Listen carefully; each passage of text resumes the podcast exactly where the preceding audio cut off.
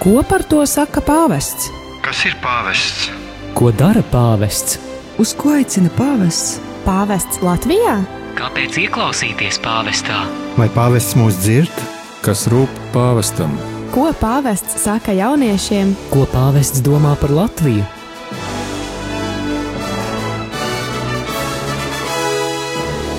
Gaidot pāvesta vizīti Latvijā, atbildes uz šiem un daudziem citiem jautājumiem meklēsim raidījumā Pētera pēdās. Katru piekdienu, pulksten 13. ar atkārtojumu sestdienā, pulksten 10.10 10 un otrdienā, pulksten 22.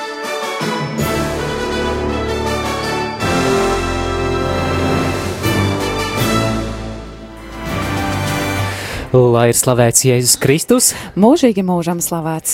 esiet sveicināti, darbie klausītāji. Piektdienā, 7. septembrī, ir viens un divas minūtes. Tas, protams, neatiecas uz tiem, kas raidījumu Pētera pēdās klausās atkārtojumā, vēlā otrdienas vakarā.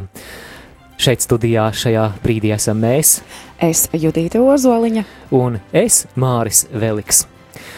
Amerikas prezidents Džons Kenedijs savulaik ir sacījis, ka lielais patiesības ienaidnieks nereti ir nevis meli, apzināti izdomāti un negodīgi, bet mīts, noturīgs, pārliecinošs un nereālistisks.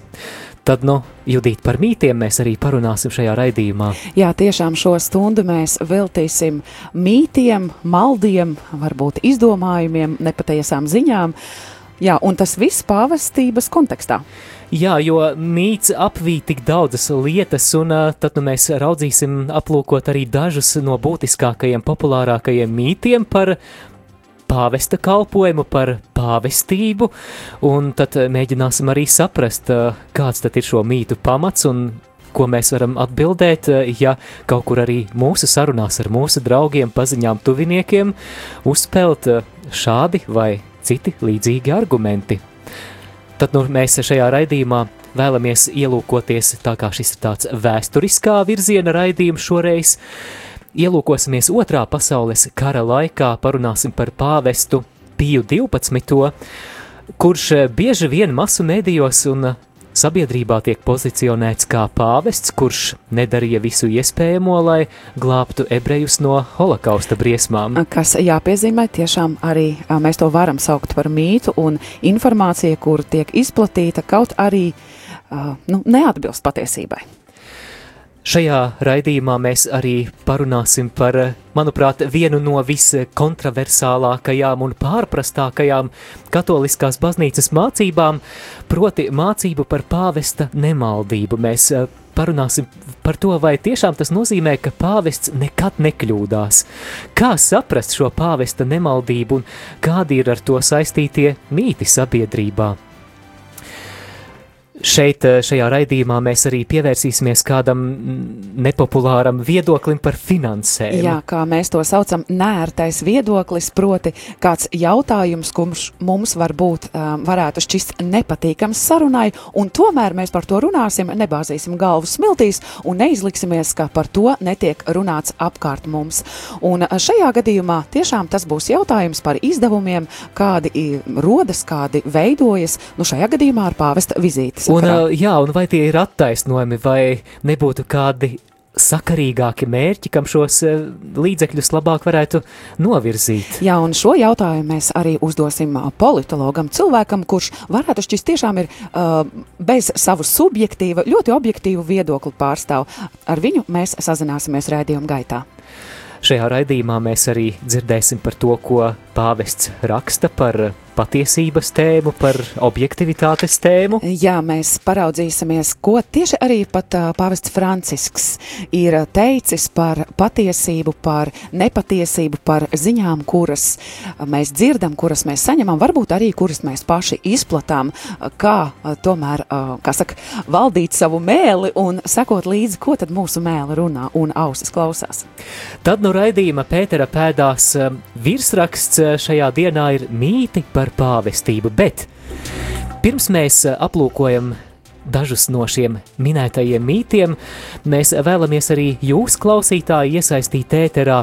Ja jūs klausāties šo raidījumu piekdienā, pēc pulksten vieniem, tad ziniet, ka jūs to dzirdat tiešraidē un jums ir iespēja sazināties ar studiju.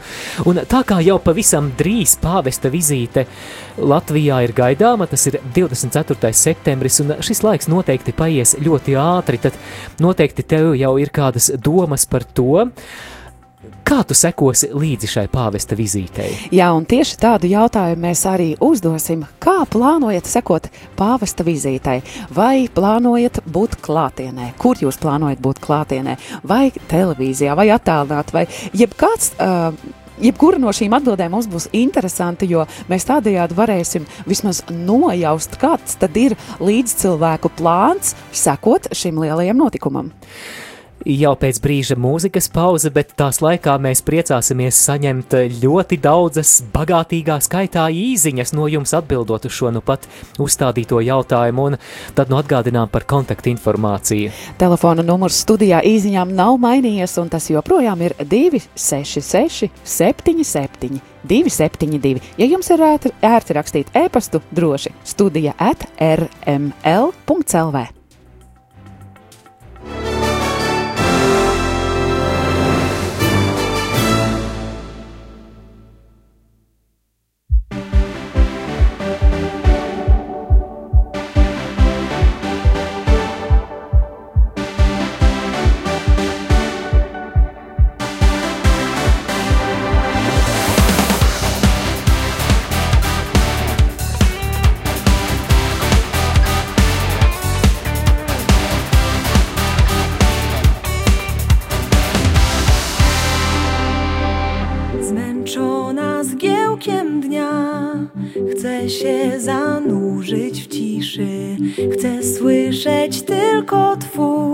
Go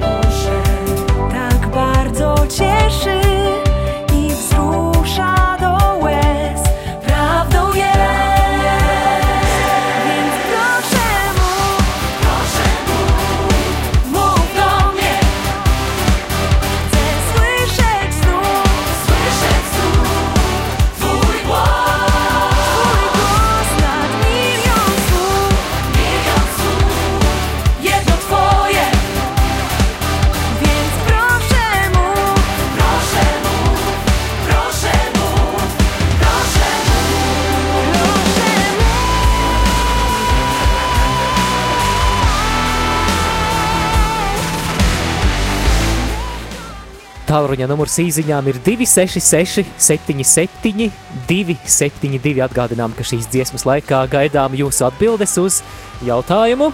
Uz jautājumu, kā plānojat sekot pāvesta vizītei, kas jau teju teju notiks pie mums Latvijā?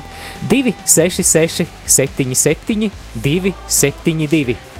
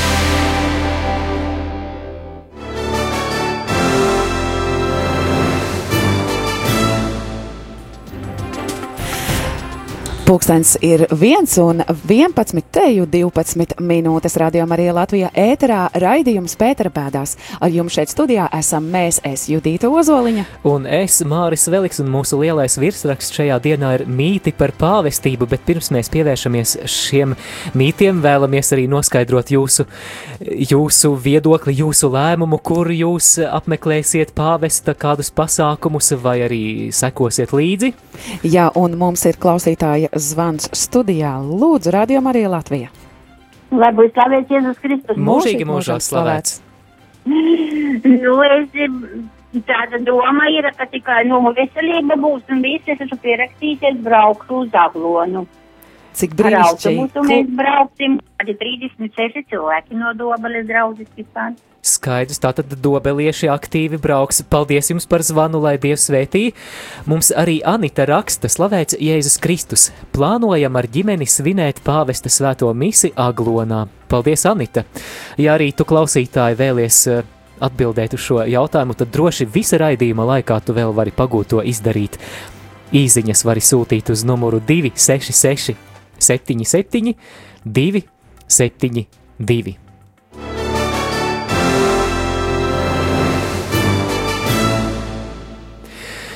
1963. gadā dienas gaismu ierā, ieraudzīja Rolfa Hohnuta pretrunīgā un, jāsaka, skandalozā luga vietnieks kristiešu traģēdija. Tajā pāvests Pīs 12. kura pontifikāta laikā pasaulē plosījās otrais pasaules karš, ir attēlots kā vienaldzīgs pret ebreju iznīcināšanu hitleriskās Vācijas īstenotajā holokaustā. Luga vēlāk tiek pārtulkota vairāk nekā 20 valodās, un pāvesta Pija 12. kā holokausta priekšā klusējošā pāvesta tēls rod savu vietu arī sabiedrības apziņā. Interesanti, ka līdzīgu Pija 12. portretu atrodam arī pretrunīgi vērtētā šveiciešu katoļu teologa un priestera Hansa Kunga grāmatā Katoļu baznīca īsa vēsture, kas arī latviski ir izdota apgādā Atēna. Jā, un jāsaka, ka šī lūga, kura ir sējusi tādu uh, negaišu ēnu pār uh, pāvestu Piju 12. ir jau radusies, ir izveidojusies tiešām par tādu mītu, un šī, šī relatīvā izdomātā patiesība jau sāk nu, dzīvot savu dzīvi, un, jā, un, un, un no mutes mutē pārceļo, apceļo visu pasauli. Bet ko par šo it kā patiesību saka, um, saka um, Eksperts. eksperti, gudri ļaudis. To mēs līdz esam, dzirdēsim. to mēs dzirdēsim. Mēs esam aicinājuši uz šo jautājumu atbildēt Latvijas Universitātes teoloģijas fakultātes un Rīgas augstākā reliģijas zinātņu institūta docētāju priesteri Andri Priedi. Eksperta viedoklis. Par Piju 12. eh, Pirmā, otrā pasaules kara laika pāvestu. eh, Iespējams, ka arī viņš sen jau būtu eh, beatificēts, vai ne? Ja mēs tur paskatāmies Pāvils 6, Jānis 23, un tad Pīs 12, kāpēc viņš nav? Tur ir tā, nu, tā politiskā kontroversija, ka katoja baznīca neuzdrošinās spērt šo soli opozīcijas dēļ, jo mūsu pašu katoja baznīca aprindās ir nu, tā, tāda frakcija, kas, eh, kurai eh, pirms koncila laika baznīca nu, nu, nu nesmaržo daudz labāk par naftalīnu, bet ir aizmirsts tas, ka šis pāvests izdarīja varoņu darbu, glābjot eb, tie paši ebreju vēsturnieki rēķina, ka tas ir starp pus līdz veselam miljonam, starp pusmiljonu līdz veselam miljonam ebreju, kas ir izglābti pateicoties katoļu institūcijām. Bez skaļām manifestācijām eh, pāvests saka, darām, ko varam, un nu, saka, nu, viņš neekskomunicēja ne, ne svinīgu Hitleru. Nu, jā, Uh, viņam vajadzēja gan tagad ļaut a- atcelt konkordātu, kas nodrošināja vismaz minimālās garantijas, lai tādīs klosteros un semināros varētu slēpt visu iespējamo nacionālu sociālisma uh, opozicionāru personas un, un viņu ģimenes. Jā, Tā, interesanti, ka tas ir arī pretēji tam mītam, no? kas reizē, manuprāt, tiek kultivēts plašsaziņas līdzekļos, kur tiek apgalvots, ka katoliskā baznīca nedarīja visu iespējamo. Uh, otrā pasaules kara laikā, lai glābtu ebrejus. Tomēr tad, ebrejus un visus pārējos vajātos, tā skaitā jā, jā. komunistus, sociālistus. Romā man tieši rāda to kolēģiju un saka, ka šī istabā bija lūk, komunisti, te bija monarhisti, tad, kad bija tas um, apvērsums un karalis beiga vai ne, tad šeit bija komunisti, šeit bija monarhisti, šeit bija ebreji vai ne, un kā viņi pa tādu gaisa tiltiņu no vienas, no, no vienas kolēģijas pārbeigus pontificālo austrumu institūtu, vai ne? Tad, kad, nu, teiksim, tādas um, nacionāla sociālistu reidi ir, bet ja mēs to visu būtu likvidējuši, ar kaut kādu tukšu deklarāciju. Eh, nu, Piju 12. Eh, kāpēc nu, mēs sakām, pirmo gadsimtu pāvests svētie, pēdējo gadsimtu pāvests svētie, un, un kāpēc tas izņēmums Pīs 12. Nu, tad viņš mācījās no tās pieredzes, kas bija bijusi Holandē. Tad, kad okupēja Holandi, tad um, um, teiksim, uh, Holandas uh, kristiešiem tiek piekodināts klusēt pār ebreju deportācijām. Un uh, ķīla, ja jūs neklausēsiet, mēs deportēsim arī kristītos ebrejus. Nu, um, Holandes tajā laikā vadošā majoritārā Holandas baznīca, Holandas reformātu kalvīnistu baznīca. Viņi saka, labi, mēs tā tad par šo jautājumu neizteiksimies. Holandas uh, katoļu bīskapi uh, deklarēja, ka viņi nevar klusēt. Un kas bija rezultāts? Tad, no, uh, tad arī no Holandas klosteriem, piemēram, tiek deportēta tāda persona kā Svētā Edita Steina lielā m, filozofe, fenomenoloģijas skolas lielmeistara, filozofijas doktora, kas ir konvertējusies, pieņēmusi kristietību. Faktiski viņa nekonvertējās, viņa neatkrita no judaisma, jo viņa jau bija kļuvu augusti ticīgā ebreju ģimenē, bet kā jauna filozofa viņa bija kļuvusi par pārliecinātu ateisti, līdz viņa kļuva par uh, ticīgu, lasot Terēzes no Āvils, eh, tātad šo mm, garīgo pili. Nu, tātad viņa faktiski ir neofīta. Eh, viņu, viņu klosteru vadīja pārceļus Holandi, un varētu būt mierā viņa eh, un viņas māsa Roza, kas dzīvo šajā Holandas klosterī, bet šādas, šāda publiska protesta dēļ tāda tiek iznīcināts dzīvības. A, kas ir labāk? Ebreju talmuds māca, ka kas, kas ir glābis vienu dzīvību, ir izglābis veselu cilvēci. Nu, tad mm, deklarācija vai izglābt dzīvu cilvēku, ja veselu cilvēci. Un Pīs 12. uzskatīja tātad, ka ja vienreiz, divreiz, trīsreiz formāli katoļu baznīca ir paudusi savu nosodījumu ar tā saucamo encikliku Mitbrennenden Zorgen, kas bija pasludināta vēl krietni pirms uh, otrā pasaules kara sākuma un pirms, teiksim, tur uh, te, tās, tās um, kristāla nakts. Tāda, tur bija formulēts, ka katoļa baznīca ir nepieņēmama jebkādu cilvēku šķirošana pēc rasēm vai reliģiskās piedarības attiecīgi. Tas bija publiski, pilnīgi visās Vācijas katoļu baznīcās, pūpoles vēdienās, tas, eh, tā pāvesta encyklika, vēl Pīja 12. priekšgājēja Pīja 11. encyklika, kas ir sarakstīta speciāli vācu valodā, nolasīt. Tad vienreiz ir slimīgi pasludināts, tad vairākās radio runās. Pīs 12. ir deklarējis, ka nu nav savienojama ar kristietību šī cilvēku vajāšana tikai viņu rases piedarības dēļ. Nu, Tātad tās ir publiskās, teiksim, nu, kā mēs sakām, slepenā informācija ir tā, ka lūdzu dariet visu, ko jūs varat izdarīt, lai izglābtu konkrēto cilvēku. Raidījums Pētera pēdās katru piekdienu, pulksten 13. ar atkārtojumu sestdienā, pulksten 10.10 10 un otrdienā, pulksten 22.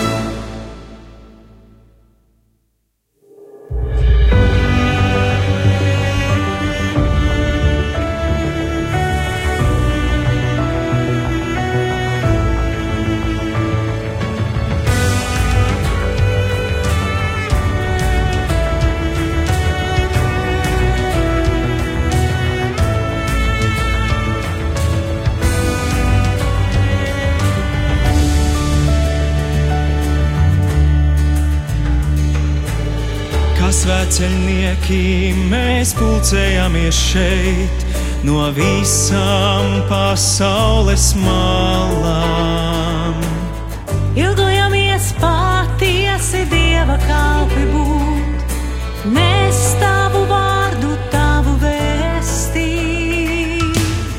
Māci sacīt jā, kā to teica Marijā, kad lūdzies daļa mana plānā. Mūsu sirdīs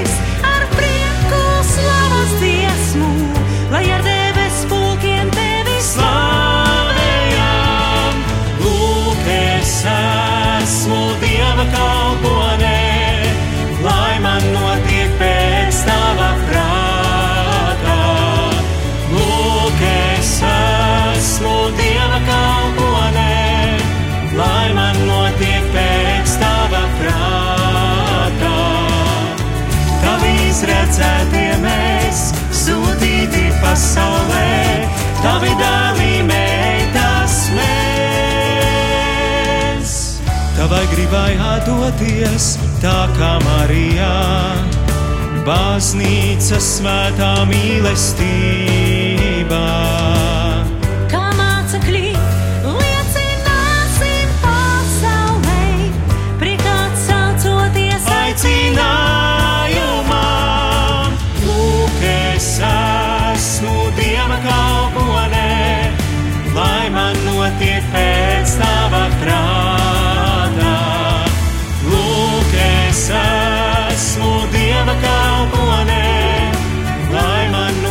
Pēc tava prātā. Nebaidāmies mēs, mēs nebaidāmies. Pieņem Dieva mīlestību.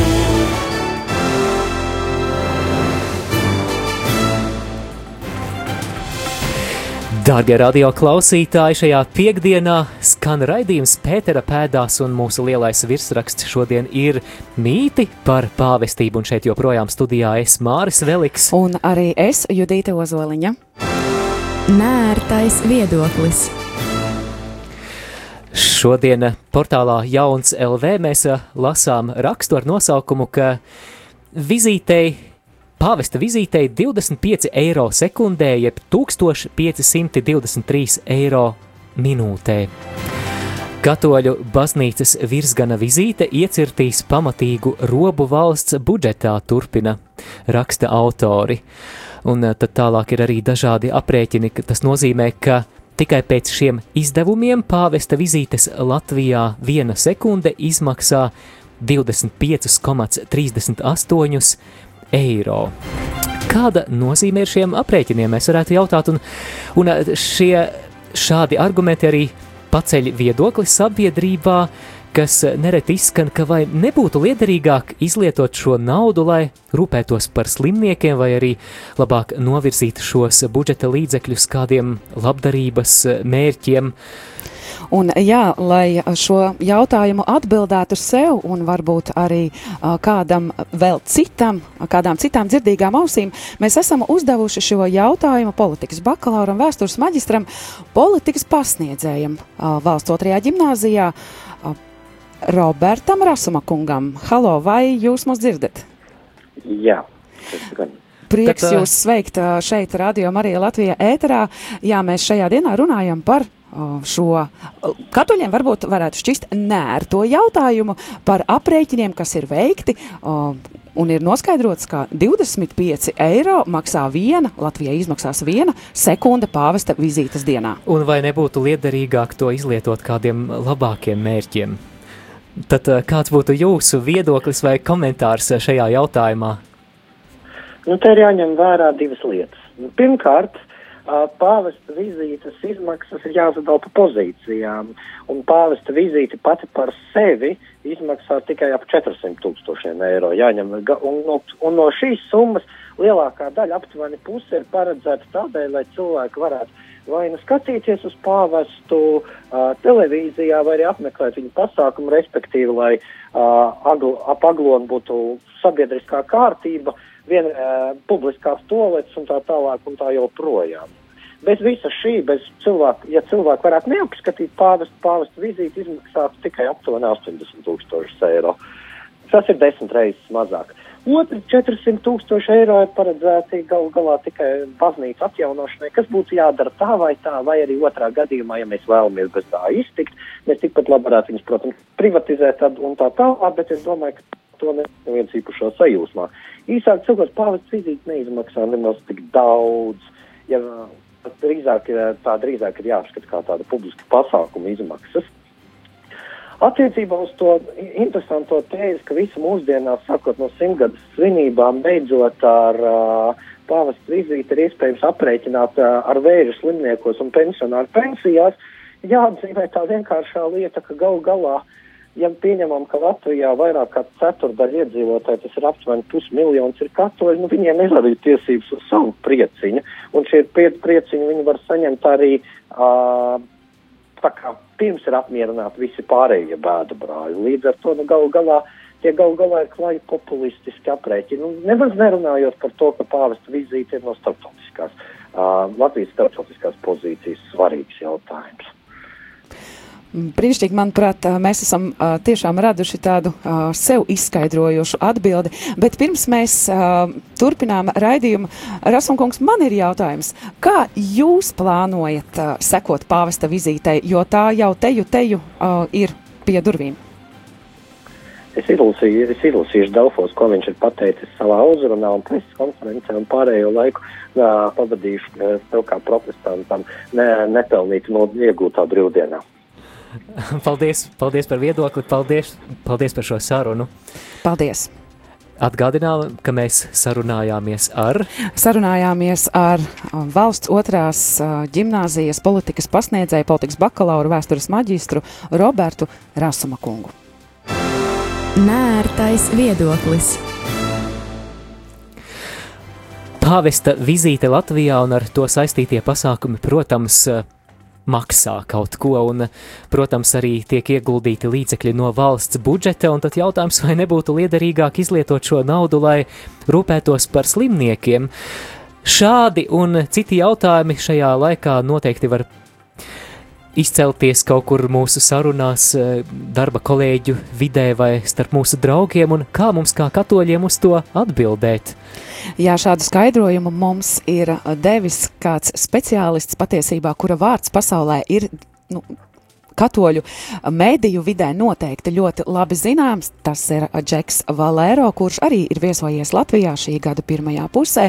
Un Džeks Valēro, jāsaka, ir kādas ļoti uh, īpašas uh, organizācijas dibinātājs, galvenais runas vīrs uh, un uh, publiskā persona, un tā ir organizācija, organizācija Catholic Voices. Katoliskās balsis vai katoļu balsis. Jā, un uh, šī organizācija savu darbību aizsāka 2010. gadā, kad uz apvienoto karalisti mm, vizītē devās pāvests Benedikts 16. un uh, procesa gatavošanās gaitā bija skaidrs, ka būs jārod atbildes uz ļoti nērtiem jautājumiem, un tādu jautājumu bija ļoti daudz, un tad šis uh, kungs, Džeks Valēro, uh, sauca kopā domu biedrus un uh, stājās pretī šiem viedokļiem un raudzīja skaidrot uh, šo sarežģīto jautājumu uh, vairākās šķautnes. Un jā, mēs arī šo šķietam ne, tiešām nērto jautājumu arī lūdzām viņa viedokli atbildēt. Kā Džeks Valēro komentētu šo argumentu, ka budžeta izdevumi pāvesta vizītes pasākumu nodrošināšanai Latvijā ir neliederīgi un varbūt kaut ko labāku varēja iesākt klausāmies. Eksperta viedoklis.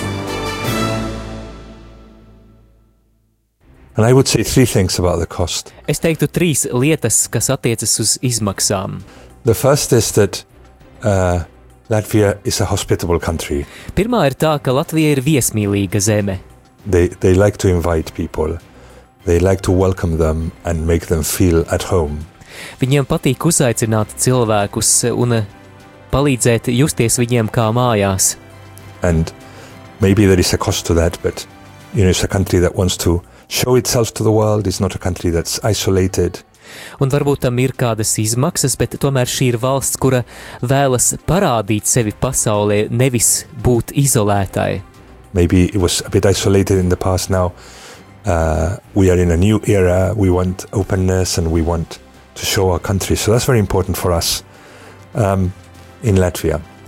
Varbūt agrāk tā bija izolēta, bet nu ir iestājusies jauna ēra, jauns laikmets, un mēs vēlamies parādīt šo valsti pasaulē, vēlamies atklātību.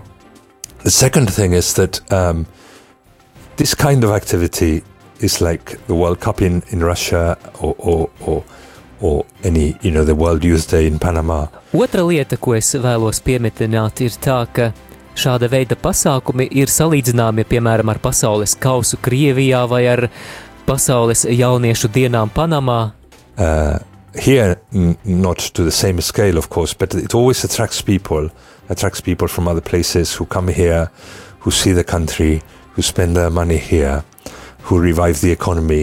Varbūt ne gluži tādā pašā mērogā, bet tomēr šāda veida pasākumi piesaista cilvēkus, kuri ierodas uz šo valsti, kuri apmeklē šo valsti, kuri šeit tērē savu naudu un tādā veidā arī atdzīvina ekonomiku.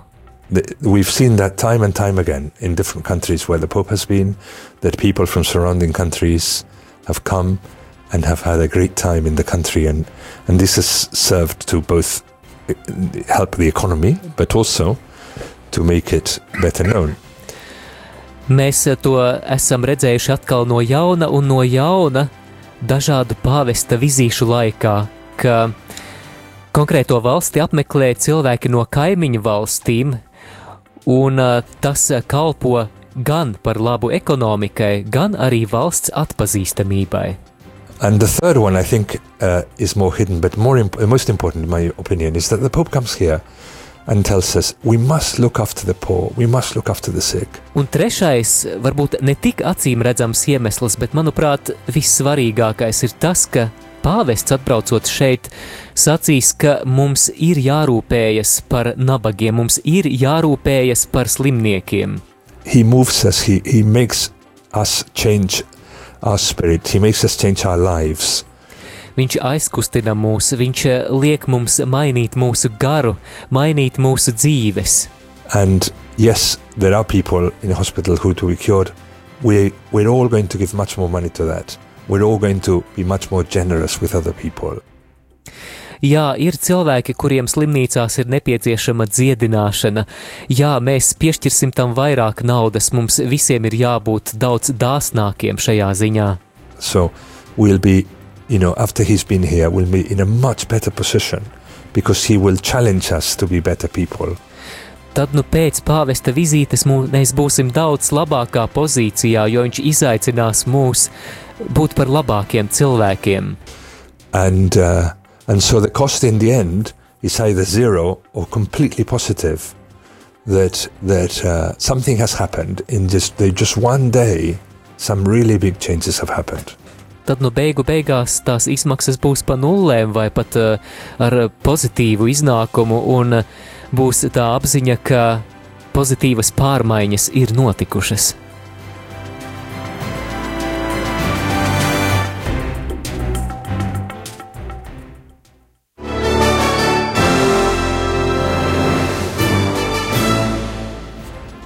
Par šo skaidrojošo viedokli, kā mums raudzīties uz izmaksām pāvesta vizītes sakarā, mēs sakām paldies Džekam Valēro, Katoliku Voices kustības dibinātājam, kurš nekad, nekad nekavējas stāties pretī sarežģītām situācijām un nodarboties ar to skaidrošanu. Pēc brīža mēs dzirdēsim arī kaut ko vairāk par vienu no pārprastākajām katoliskās baznīcas mācībām, proti par pāvesta nemaldību. Ko tā nozīmē, kādi ir ar to saistītie mīti, bet līdz tam mūzikas pauze, bet vēlamies arī atgādināt par dienas jautājumu jums, klausītāji. Jā, darbie klausītāji, mēs, protams, ar Māri ā, 24. septembrī būsim darbos līdz padusēm, bet mēs ticam, ka tev, klausītāji, tā brīvdiena, kura ir piešķirta, tā tev nes lielu prieku, un mēs tiešām būtu ļoti interesēti uzzināt, kā tu, plē, kā tu plāno, kā tu vēlies sekot pāvesta vizītei. Kāds ir tavs plāns šai 24. septembra dienai? Sūta mums savu stāstu, savu plānu šeit uz ēteru īziņā 266 77 272. Ja ir ērti, var arī mums piezvanīt uz numuru 679 69 131. Ja tu klausies šo raidījumu piekdienā, tad uh, zini, ka tā ir tiešraidē. Savukārt, ja vēlā otrdienas vakarā, tad uh, vienkārši klausāmies un atpūšamies, bet kā mūzikas skaņdarbu vēlos piedāvāt pasaules jauniešu dienu himnu no ķelnes 2005. gads Venimus adorare eum.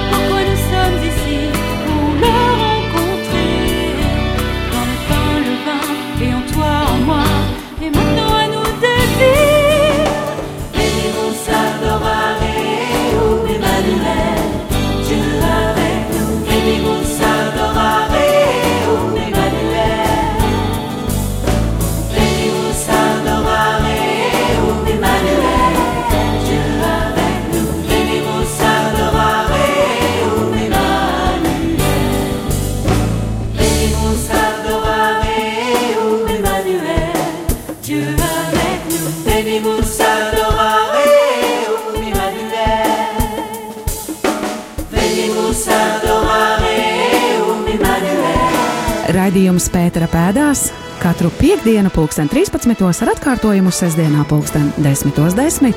un otrdienā, pulksten 22. Skanējumu turpina raidījums Pētera pēdās ir 1,40 minūtes piekdienā, 7. septembrī, un mums ir arī zvanītājs. Lūdzu, halo! Halo, jūs ar mani runājat? Jā, ar jums runājam. Slavēts Kristus. Mūžīgi mūžos slavēts. Man svētā tēva būs par radio klas klausos un pa televizoru, un tas viss, es nekur nevaru neaizbraukt, neaiziet. Paldies, tad lai svētīga arī sekošana līdzi pateicoties plašsaziņas līdzekļiem, un paldies, ka piezvanījāt. Paldies jums! Lai Dievs jūs svētī.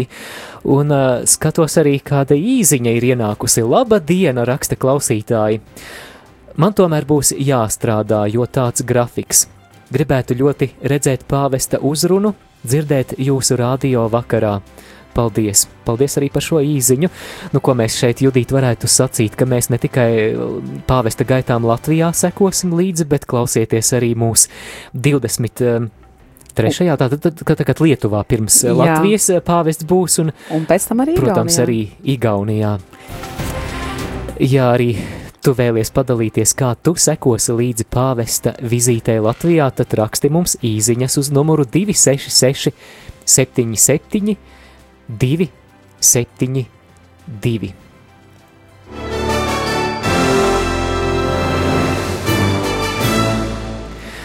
Kā jau solījām, mēs tulīt parunāsim arī par kādiem mītiem, kas ir saistīti ar pāvesta nemaldīguma dogmu, bet Judīt, vai pāvests ir kaut ko teicis par šiem patiesības meklēšanas jautājumiem? Jā, ir gan teicis, un jāsaka, ka tas ir pāvests, kuru mēs šobrīd arī gaidām Latvijā, mūsu pāvests Francisks, un šo jautājumu par patiesību, par nepatiesību, par mītiem un maldiem, var atrast viņa tādu viedokli un viņa arī tādus ieteikumus un uzrunu mums. Uh, Viņa vēstījumā 52. pasaules sociālo komunikāciju dienai, kas bija 2018. gada 24. janvārī, tātad šī gada sākumā. Un šīs vēstījuma tā galvenā rakstu vieta bija jāsaka pavisam īsa - patiesība darīs jūs brīvus. Un šeit pavests uzrunā mūs par to, kas vispār ir tad šie maldi un nepatiesības. Un, Un pāvesta, es citēju pāvesta šo vēstījumu. Ja cilvēks seko savam iedomīgajam egoismam var izkļūt veidā, tā lietot arī savu komunikāciju spēju, kā to jau pašā sākumā attēlo bibliskās epizodes ar Kainu un Ābeli, kā arī uh, pār Bābeles torni. Patiesības sagrozīšana ir viens no tipiskiem šīs izkropļošanas simptomiem, kā privātā, tā kolektīvā līmenī. No otras puses, kad sekojam Dieva plānam, komunikācija kļūst par efektīvu veidu, kā atbildīgi meklēt patiesību un vairot labo. Un kā tad darbojas šīs nepatiesības un un, maldu, melu, šīs, nu, šī darbība, kā tas viss uh, veidojas.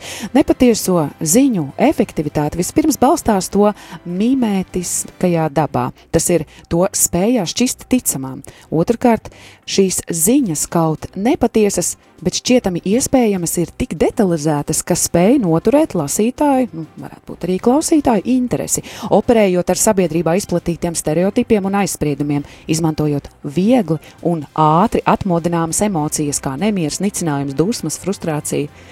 To izplatība bieži balstās uz manipulatīvu sociālo mediju izmantošanu un to darbošanās loģiku, kas mūsdienās ir ļoti izteikti šīs. Ārkārtīgi arī aktuāla tēma. Tieši tā. Šādā veidā saturs, kaut tajā nav nekāda pamatojuma, saņem tik daudz skatījumu, ka pat autoritatīvi noraidījumi nespēja apturēt to radītos postījumus. Un tālāk šajā vēstījumā Pāvests saka, nepatiesas ziņas ir saistītas ar neiecietību un paaugstinātu jūtību, un tās noved vienīgi pie augstprātības un naida izplatīšanās. Gal galā tās noved pie maldiem. Un kā tad mēs varam atpazīt, ko mums pāvests iesaka? Neviens no mums nevar izvairīties no atbildības cīnīties pret šiem valdiem. Tas nav viegli, jo dezinformācija bieži balstās uz apzināti izvairīgu un smalki maldinošu retoriku un reizēm arī sarežģītiem mehānismiem. Šeit runājam par stratēģiju, ko izmantoja viltīgā čūska, par kuru rakstīts radīšanas grāmatā, jo viņa pirmajiem cilvēkiem atnesa pirmās tās fake news, tātad pirmo, pilno, pir, pilno, pirmo tādu nepatiesību. Tas noveda līdz traģiskajām grēka sekām, kuras izpaudās pirmajā brāļa slepkavībā un neskaitāmās citās ļaunuma formās, kas tiek vērstas pret dievu, tuvāko sabiedrību un radību. Šeit uz spēles tiek likta mūsu alkatība, tālāk saka šajā vēstījumā pāvests. Bieži šīs nepatiesās ziņas, fake news, ko, kā šodien to sauc, kļūst kā vīruss, jo tās ātri izplatās un ir grūti tās apturēt.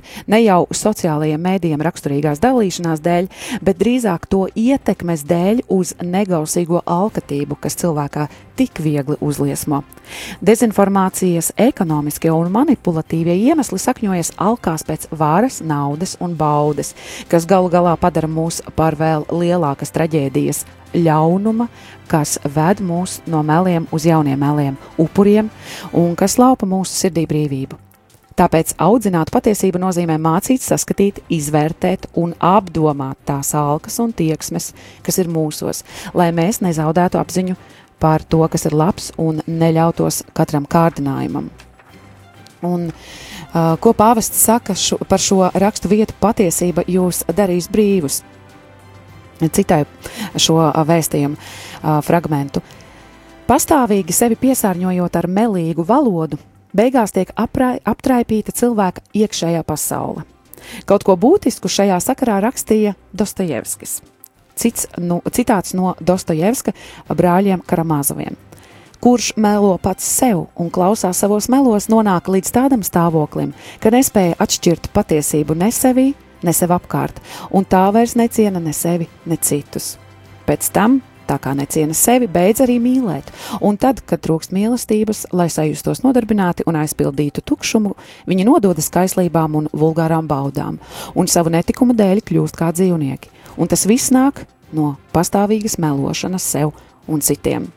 Tālāk pāvests saka, atbrīvošanās no meliem un attiecību meklēšana. Šīs divas lietas ir absolūti nepieciešamas, lai mūsu vārdi un žesti būtu patiesi, autentiski, uzticami. Lai saskatītu patiesību, mums jāizšķir tas, kas nodrošina komunikāciju un veido labo no tā, kas tieši pretēji tiecas izolēt, šķirt, pretnostatīt. Un tāda labā ziņa to visu um, apkopojot, uh, ir uh, ir šajā patiesībā patiesākā, vispatiesākā ziņa ir miers, un ko pāvests par, ar to ir domājis. Vislabākā, vislabākais pretlīdzeklis meliem nav stratēģijas, bet cilvēki. Personas, kas ir brīvas no alkatības, ir gatavas ieklausīties un, pateicoties godīgam dialogam, ļauj atklāties patiesībai. Personas, kuras piesaista labais un kuras uzņemas atbildību par valodu, kuru lieto.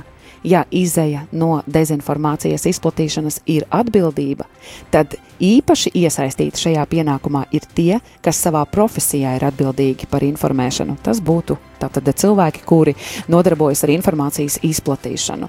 Tālāk pāvests uh, aicina, uh, citēju, Tāpēc aicinu veicināt mieru žurnālistiku, bet ar šo terminu nedomāju salkani pozitīvisku žurnālistiku, kas ignorē nopietnu problēmu esamību un visu pasniedz saldinātā tonī. Tieši pretēji. Es runāju par žurnālistiku bez izlikšanās, kas ir pret meliem, bez retoriskiem saukļiem un sensacionāliem virsrakstiem.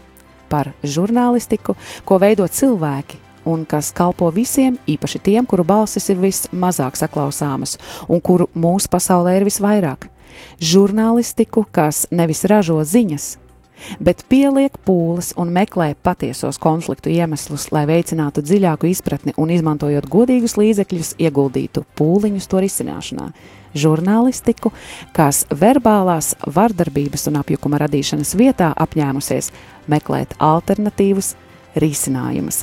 Tā mūs aicina pāvests Francisks attiekties pēc šo informācijas izplatību, un kāpēc šo mēs varam uzskatīt, jo žurnālistika un šī mm, pasaules komunikāciju diena, kur mēs 24. janvārī svinējam, tā arī ir atbildība, un tas arī ir jautājums par informācijas izplatīšanu.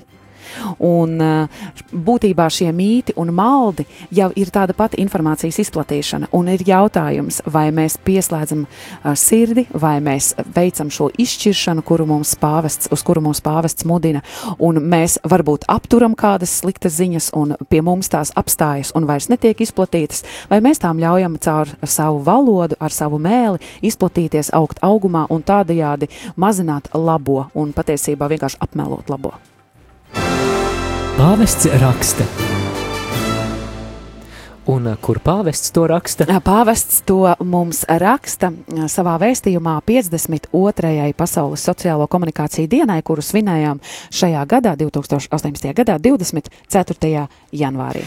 Šeit pāvests runāja par žurnālistiku, kuras mērķis ir veicināt dziļāku izpratni, un tas ir arī viens no šī raidījuma mērķiem. Uh, kliedēt dažādus mītus par pāvestību, kas bieži vien rodas tā virspusēji ielūkojoties kādā jautājumā, un viens no tiem ir arī jautājums par pāvesta nemaldības dogmu. Vai tas nozīmē, ka pāvests ir bezgrēcīgs, vai tas nozīmē, ka pāvests nekad nevar kļūdīties, vai tas nozīmē, ka pilnīgi viss, ko pāvests saka, ir patiesība. Par eh, to uz sarunu arī bijām aicinājuši priesteri Andri Priedi. Eksperta viedoklis. Nu, tas, protams, neatiecās. Vispirms, uz ko tas neatiecās? Tad, kad pāvests Jūlijas II sāka jaukt nost, nu ne jau viņš pats ar ķēru un buldozeri, bet tad, kad viņš uzdeva eh, strādniekiem jaukt nost veco imperatoru Konstantīna 4. gadsimtā uz atpustuļa Pētera, pirmā pāvesta, kā pabūvēto romiešu baziliku, un teica, ka nu, mums jābūvē renesanses stilam atbilstoša, un tāpēc mums tur jāizsludina atlaidu Andele Ziemeļvācijā, kas bija, kā mēs runājām, reformācijas tiešais katalizators sašutums par šādu lietu. Tad tādā gadījumā tas uz nemaldību neatiecās, jo kurš stils ir labāks, kurš mākslas stils, tur romānika, gotika, renesance, kā tas pēkšņi 16. gadsimtā bija bijis, un kad teica, viss, kas ir bijis viduslaikos, tā ir gotika ar tādu dispreciatīvu, panicinošu nozīmi.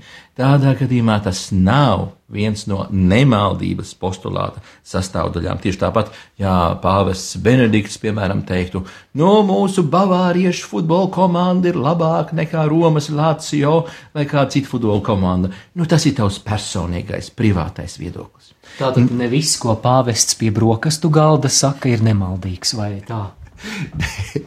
ļoti trāpīgi. Tad, kad pāvis pie e, brokastu galda pasaka, putra ir piedegusi, tad tas objektīvi varbūt ir patiesi, bet vai tas ir nemaldīgi, un vai visiem ticīgiem pēc tam ir jāizsludina, ka ja viņi neticēs, kad no rīta um, māsas ir piededzinājušas auzu tumi, e, kad tādā gadījumā viņas nesasniegs pestīšanu, e, tas, protams, neatiecās. Nemaldība ir kaut kas daudz, daudz lielāks un arī objektīvi retāks gadījums. Tad eh, esam noskaidrojuši, ka ne viss, ko pāvests saka, ir nemaldīgs, bet ko tad īsti nozīmē šī pāvesta nemaldība un uz kādiem gadījumiem tā attiecas? Es varētu atļauties citēt tādu mazliet antīku autoru. Tas ir Ezuītājs Pēteris Cirsis. Un viņa baznīcu dievs un dogmu dievs, tie ir, nu, pēc manām domām, vislabākie bestselleri. Tur Pēters Cirsis perfekti pasaka, kāds līmenis ir ticamības pakāpēm, ko katoļu baznīca piedāvā. Dogmu līmenis, jā, kur tu nedrīksti tā teikt, oponēt. Pat ja tev ir, piemēram, šaubas, nu, nu var būt kaut kādas šaubas, svētais akvīns Toms savs par dubiju metodiku, vai ne? Kristus piedzimšana 25. decembrī. Ta, ta, ja mēs šaubīsimies, vai tas notika 25. vai 24. decembra vakarā, nu, mīļais Dievs, Eh, kad tu atnāc šajā pasaulē, tā ir tava darīšana. Varbūt tas arī bija 6. janvāris. Eh, tās tā nav dogma. Dogma ir par to, ka Kristus ir atnācis un viņš ir mūsu pestītājs. Eh, tā tad augstākais līmenis ir dogma, par kuru tā tad vismaz nav publisku diskusiju vairāk. Bet pēc tam ir tāda opinione komūne, opinione certa, nu, daudz un dažādi līmeņi, kā ir pieņemts un kā ir tradicionāli uzskatīts līdz tādām um, dievbijas praksēm. Un pāvesti savu autoritāti pauž tikai vissvarīgākajos gadījumos.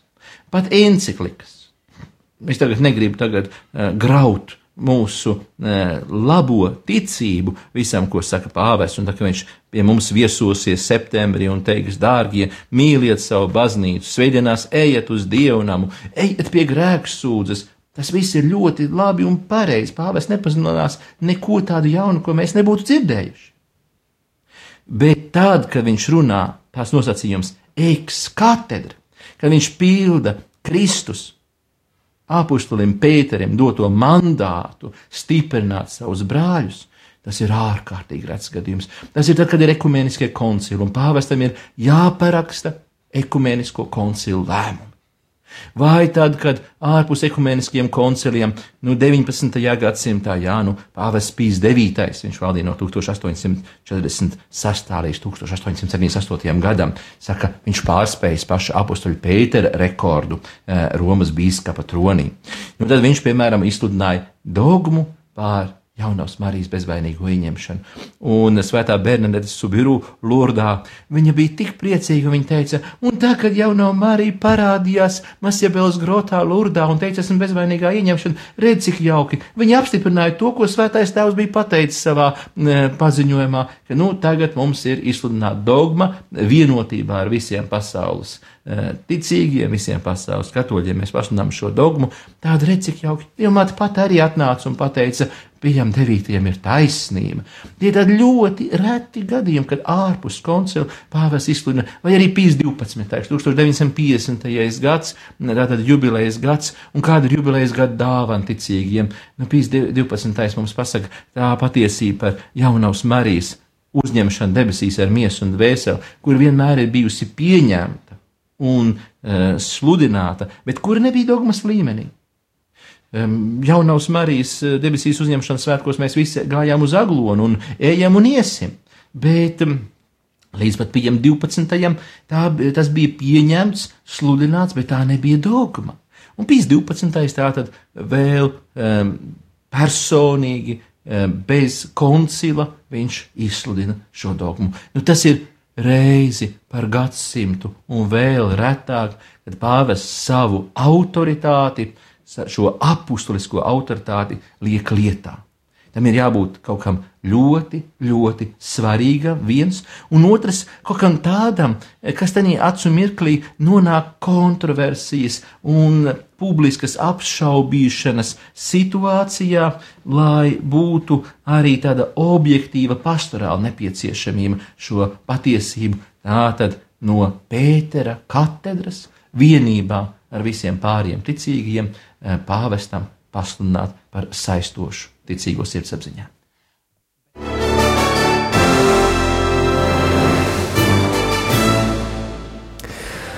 Paldies priesterim Antrim Priedem par šo ieskatu pāvesta nemaldības jautājumā. Raidījums strauji tuvojas savam noslēgumam. Šeit joprojām pie mikrofona es Māris. Un arī es Judīte. Un um, atgādināsim, ka šajā Raidījumā mēs runājām par mītiem, par pāvestību, aplūkojām tikai dažus, protams, tas neliels ieskats, un katrs esam aicināti studēt ticību, iedziļināties jautājumos, un, kā mēs arī dzirdējām, pāvests mūs mudina uz dziļāku izpratni, nepalikt tādā virspusējā līmenī. Mēs runājām gan par pāvestu Piju 12. un par viņa darbību holokausta laikā, mēs runājām par pāvesta nemaldību un arī par tādiem kontroversāliem jautājumiem saistībā ar finansējumu pāvesta vizītei. Jā, mēs šodien pieskārāmies nērtajam jautājumam, un šodien tieši tas bija par finansēm, par to, ka visu jau var izrēķināt, bet vai tiešām viss ir jārēķina un vai viss ir jāpiemēro un uh, jāatmēra pret, uh, pret kādiem uh, cietējiem vai, vai cilvēkiem, uh, kuriem šķiet, nu, kad šķiet, ka viens ir pelnījis, otrs nav pelnījis. Vai nu vienmēr tas tā tiešām ir? Mums klausītāji raksta atbildot uz jautājumu, kā viņi sekos līdzi pāvesta vizītē Latvijā un Slavēts Jēzus Kristus, braukšu no Liepājas uz Aglonu ar mašīnu. Jauku un svētītu jums šo dienu. Paldies par novēlējumu. Tiešām paldies, un mums prieks par katru, kurš dalās savā plānā, kā tad izdzīvos šo pāvesta vizītes dienu. Māri, mums ir tiešām laiks jau beidzies, un tomēr mums... Jā, es vēl Benitas īziņu tomēr nolasīšu, jā. Īziņu. Ar pāvestu Francisku svinēšu svēto misiju Aglonā, svētīgu jums visiem šo tikšanos. Paldies, Benita! Un kā ierasts mēs mazliet, mazliet paraugamies, kas tad šajā pāvesta vizītes plānošanas sakarā notiek un organizēšanas sakarā notiek. Un jāsaka, ka ja vēl kāds tiešām nav saskāries ar šo informāciju, varam padalīties, ka Vatikāns šobrīd ir publicējis detalizētu pāvesta vizītes Baltijā programmu, un tur tad var iegūt tiešām, var teikt, no pirmā vota, kas tad ir paredzēts šīs vizītes laikā visās trijās Baltijas valstīs. Meklējiet informāciju internetā pāvests Latvijā 2018.lv. Jāmin vēl arī, ka um, drīzumā gaidāmā Baltā nakts, kuru mēs piedzīvosim no 8. uz 9. septembri, jā, arī tur būs pāvesta vizītes kontekstā pas, uh, kāds, kāds um, nu, pasākums, notikums. Fórumā Baltā nakts būs garīgās mākslas projekts pāvesta Franciska vizītes gaidās. Tātad arī šajā Baltijā naktī piedzīvosim pāvesta vizītes vizītes gaidas, un arī šīs pāvesta vizītes gaidās diskusējas par vērtībām, kas var nodrošināt Latvijas attīstības ilgtspēju. Tas arī 8. septembrī no 10 līdz 12.30. Bet jāsaka, ka šis ir īpašs pasākums, jo to mēs arī varēsim dzirdēt. Jā, Jā. jā. par to ir liels prieks. Jā. Uh, Paldies par šo laiku, ko mēs varējām pavadīt kopā pāvesta vizītes gaidās, Pētera pēdās. Vēl tikai laiks lūkšanai, bet uh, ar jums kopā šīs stundas laikā bijām mēs. Es Judīta Ozoliņa. Un es Māris Veliks. Laiks lūkšanai.